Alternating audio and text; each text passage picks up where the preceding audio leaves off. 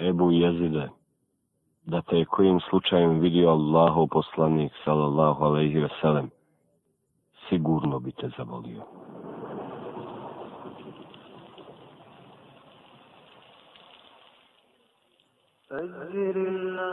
Ovo je priča o Er-Rebiji ibn Huseimu. Munzire, zar nećeš da te odvedem do šejha? upita Hilal ibn Isak svoga gosta Monzira je Srbije.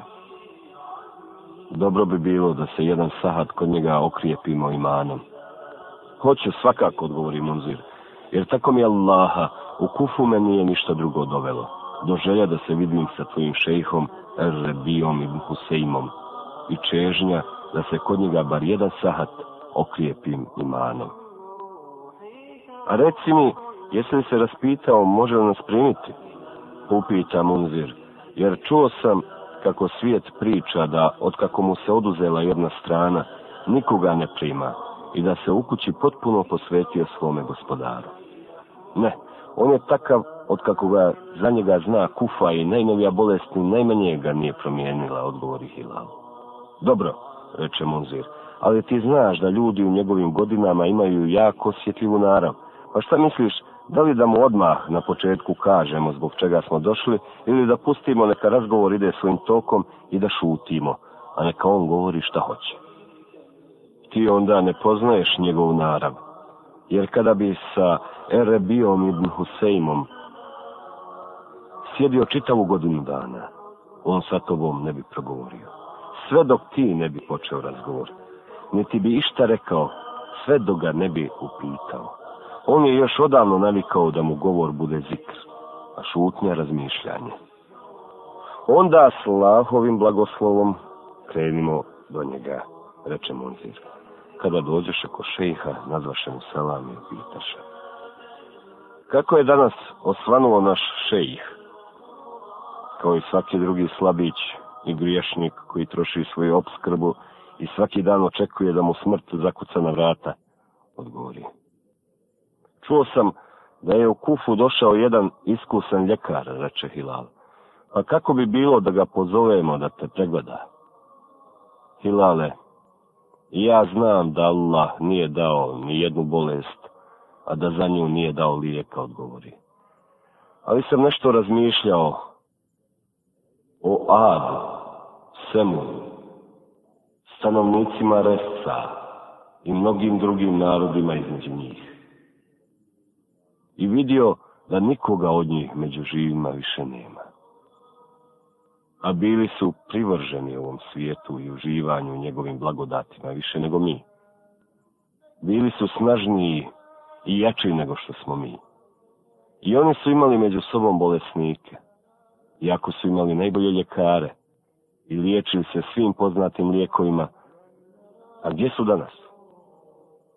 Zatim je duboko uzdahnuo i rekao, ne znaju ljekari kakva je ovo bolest. Jer da znaju, onda bi je i liječni. A kakva je to onda bolest? Upita Munzir. Grijesi, odgovoriše ih. A kakav je za njih lijek? Upita Munzir. Pokajanje i molba za njihov oprost, odgovori. Može li se čovjek od njih izliječiti? Upita Munzir. Može. Samo se trebaš iskreno pokajati i čvrsto odlučiti da ih više nikada nećeš ponoviti, odgovoriše ih. Zatim se u nas zagledao i rekao. E, skriveni grijesi. Skriveni grijesi. Čuvajte se skrivenih grijeha, jer za njih Allah zna, iako svijet ne zna. Tražite lijeka za njih, a šta je za njih lijek? upita Munzir. Iskreno pokajanje, odgovori. I tako se rasplaka da su mu suze tekle niz lice i nakosle bradu. Zašto plačeš kada svi znamo ko si i kakav si bio, upita Munzir. E, kamo sreće, odgovori, a zatim nastavi. Kako mogu, a ne zaplakati, kada se sjetim da više nema onakvih kakve sam zapamtio. Misleći na zhabe. Nasprav koji smo mi, ako se sa njima uporedimo, obični hrsuzi. U tom je, priča Hilal, ušao šejhov sin, nazvao selam i upitao. Oče, moja majka ti je napravila habisu, baš onakvu kako ti voliš. Bilo bi joj drago da bar malo pojedeš. Pa hoćeš li da ti je donesem? Dobro. Donesi da probam, govori. Kada je šejhov sin otišao po habisu, jedan prosijak je zakucao na vrata, pa je šejih rekao. Pustite ga, neka uđe. Kada je ušao u dvorište kuće, vidio sam da je to ronuli starac droncima neuredan, toliko zapjenušalih usta da su mu se sline spuštale niz bradu. Po njegovu izgledu odmah sam primijetio da je to neki matuh. Samo što sam sa njega digao pogled, pomolio se šejhov sin sa sahanom habi se u ruci. U tomu je otac rukom pokazao da sahan stavi pred prosijaka što je ovaj učinio. Čovjek je odmah halapljivo počeo jesti i za čas pojeo sve što je bilo u sahanu. Jedino su iza njega posahan ostali tragovi slina. Kada je prosijak otišao, sin reče ocu. Oče, Allah ti se smilovao. Majka mi se mučila da ti sastavi i pripremi ovu habisu u nadi, nećeš li šta pojesti, a ti je dade ovom čovjeku koji ni sam ne zna šta je pojeo. Sine moj, odgovoriše ih. Ako ne zna on, Allah sigurno zna i posjeti ga na riječi uzvišenog. Neće se zaslužiti nagradu sve dok ne udjelite dio od onoga što vam je najdraže. A bilo što udjelili, Allah će sigurno za to znati. U tom na vrata savo splahiran uđe jedan čovjek, bliski mu rođak i povika. Ebu jezide, izgleda da je poginuo Husein, Fatimin sin, neka je s njima Allahov mir i blagoslov. Svi smo mi Allahovi i Allahu se vraćamo, reče i prouči riječi uzvišenog. Reci, Allahu, stvoritelju nebesa i zemlje, ti koji znaš nevidljive i vidljivi svijet, ti ćeš robovima svojim presuditi u onome oko čega su se razilazili. Međutim, čovjeku izgleda nije bilo dovoljno to što je šejih rekao, pa upita. Šta kažeš o njegovom ubistvu? Kažem da će se svi Allahu vratiti i pred njim račun polagati, odgovori. Vidjevši da se podne približava priča Hilal, zamolio sam šeha.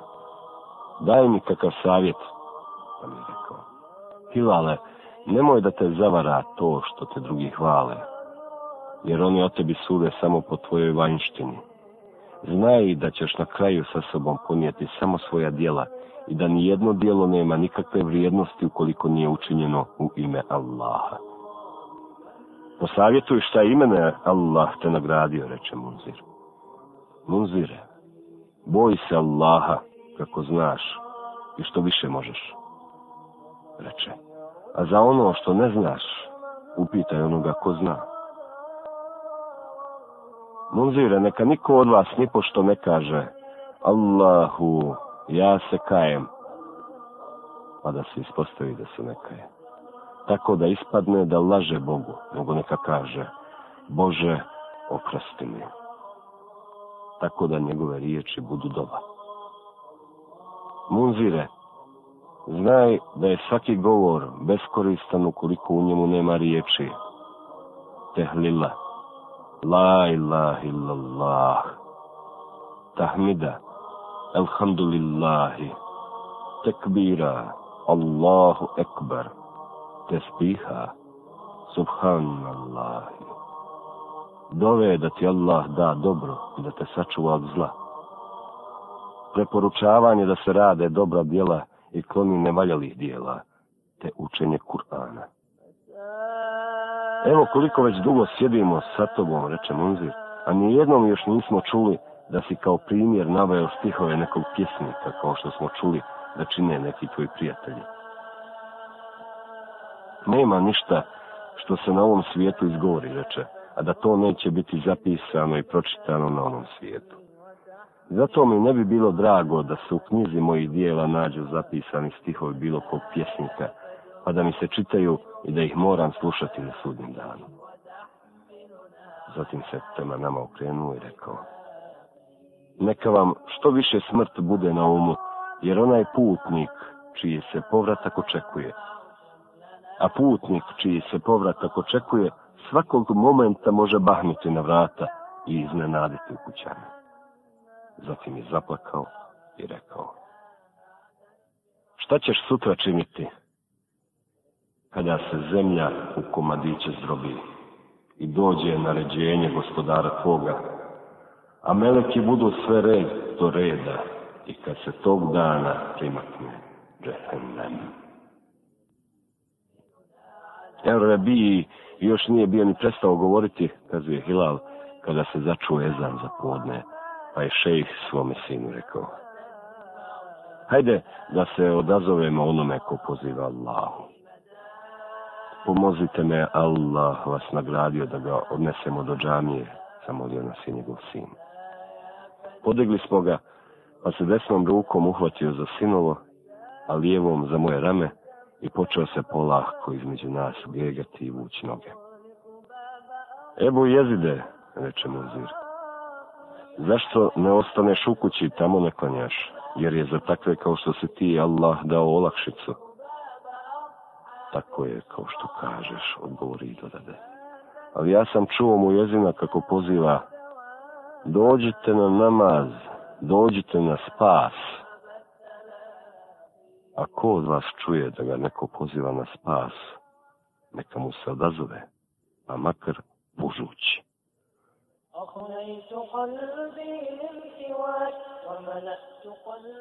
A ko je zapravo Errebi ibn Husein o kome govorimo?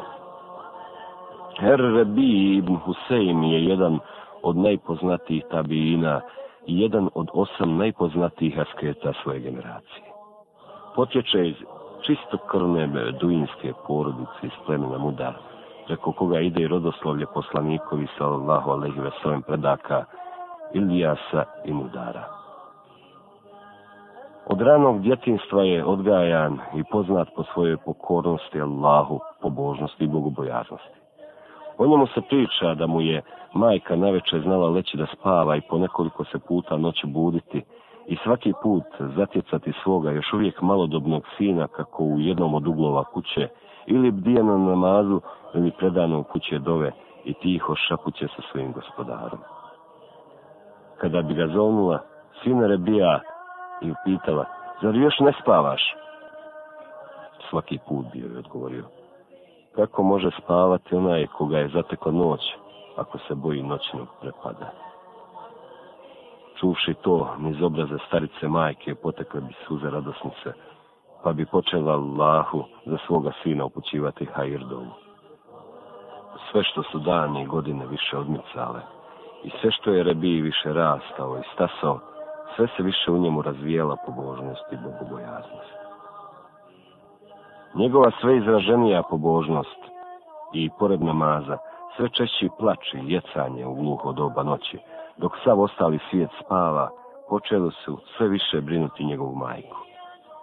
Brinući se za svoga sina i pomišljajući na sve i svašta, sve češće ju je počela moriti nesanica – pa je jednoga dana odlučila sa njim otvoreno o svemu porazgovarati i upita ga. Sine, šta se to sa tobom dešava?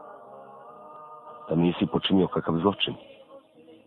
Da nisi koga ubio? Jesam, majko, ubio sam nekoga, priznao Koga si tu, sine, ubio? Upitala je sva usplahirena. Sine, samo mi reci koga. Skupit ćemo ljude i poslati ih na razgovor sa porodicom ubijenog. Reci mi, možda će ti oprostiti jer tako mi Allaha kada bi porodica ubijenog znala koliko patiš, koliko dugo noću plačeš i kako bez sna toliko noći provodiš, sigurno bi ti se smilovali i oprostili ti. Majko, nema potrebe da ikoga zoveš, u je, jer sam ubio sam sebe. Majko, ubio sam se grijesima. Errebi ibn Husejmov učitelj je bio niko drugi do Abdullah ibn Mesud radijallahu anhu. Jedan od ashaba koji je po načinu života, držanju i izgledu najviše od svih podsjećao na Allahova poslanika sallallahu alaihi wasallam. Errebi je za svoga učitelja bio vezan poput malog djeteta za svoju majku, tako da ga je pratio kuda god bi učitelj krenuo. I učitelj je volio svoga učenika, kao što otac voli sina jedinca. Errebi je toliko bio blizak i prisan sa Ibn Mesudom, da je kod njega odlazio i ulazio ne tražeći više nikakva dopuštenja ni najave. I ne samo to, kada bi se kod Ibn Mesuda zatekao Erebi, nikome drugome nije dopušteno da uđe, sve dok on ne izađe. Ibn Mesud je toliko mnogo volio Erebiju, čistinu njegove duše, iskrenost srca i potpunost u ibadetu, da mu je bilo žao što se Erebiji nije prije rodio i zapamtio Allahova poslanika sallallahu alaihi wasallam. Ibn Mesud je Erebiji često imao običaj reći. Ebu jezide, da te kojim slučajem vidio Allahov poslanik, znaj da bi mu se dapao. Također mu je znao reći, nikada te nisam vidio, a da me nisi podsjetio na bogobojazne. To što je Abdullah ibn Mesud za njega rekao nije nimalo pretjerano, jer je Erebi ibn Husein bio dostigao tako visok stepen pobožnosti, skromnosti i bogobojaznosti kakav rijetko ko može dostići. O njegovoj pobožnosti i bogobojaznosti govori toliko vjerodostojnih predaja da su ih i dan danas prepune stranice historije toga vremena. O njemu je jedan od njegovih prijatelja zabilježio. 20 sam se godina družio sa Erebijom ibn Huseimom i nikada od njega nisam čuo ni jednu jedinu riječ, a da nije bila lijepa, i Allahu se uzdigla kao dobro djelo. I nakon toga citirao riječi uzvišenog. K njemu se dižu lijepe riječi i dobro djelo on prima. Govoreći o njemu Abdurrahman ibn Adžlan je rekao. Jednom prilikom sam ostao na konaku kod Erebije, pa je čim je pomislio da sam zaspao, ustao i počeo da klanja na filu namazu kada je učeći na namazu naišao na riječi uzvišenog. Misle li oni koji čine zla dijela da ćemo s njima postupati jednako kao sa onima koji vjeruju i dobra dijela čine i da će im život i smrt biti isti. Počeo je plakati i kroz ih cijelu noć na namazu učiti i ponavljati. Ukratko, o Erebijinoj pobožnosti, strahu i bogobojaznosti postoje mnoge priče. Jedna grupa njegovih prijatelja tako priča. Jednoga dana bili smo na putu s Abdullahom i Mesudom i Erebijom i Huseimom, pa smo kada smo stigli na obalu Eufrata u Iraku, naišli pored jedne velike krečane sa potpaljenom vatrom. U krečani su na sve strane sjevale varnice, dizali se jedici plamena, i čula se zastrašujuća huka razbuktale vatre, jer u njoj se trebao ispeći kamen i od njega napraviti kreć. Čim je Erebi ugledao razbuktalu vatru i čuo kako hukće, kao ukopan je zastao straha, prisjetio se i proučio riječi uzvišenog. Kad od njih bude udaljena toliko da je mogu vidjeti, čuće kako gnjevna ključa i odbije sa huči, a kad budu ubačeni u nju, u tjesnac vezanih ruku, će tamo prizivati. A zatim pao na svijest, pa smo nad njim bdjeli sve dok nije došao svijesti, tada smo ga uzeli i odli kući. Šta se još nakon svega o njemu može reći? Erebi ibn huseim, Cijeli svoj život proveo je pripremajući se i iščekujući smrt. A kada mu je došla, svoje kćeri koja je na njegovoj samrti počela plakati je rekao Kćeri, zašto plačeš? Pa tvome je ocu došao trenutak dobra koji toliko dugo čekam. A zatim ispustio dušu i preselio svome. Preselio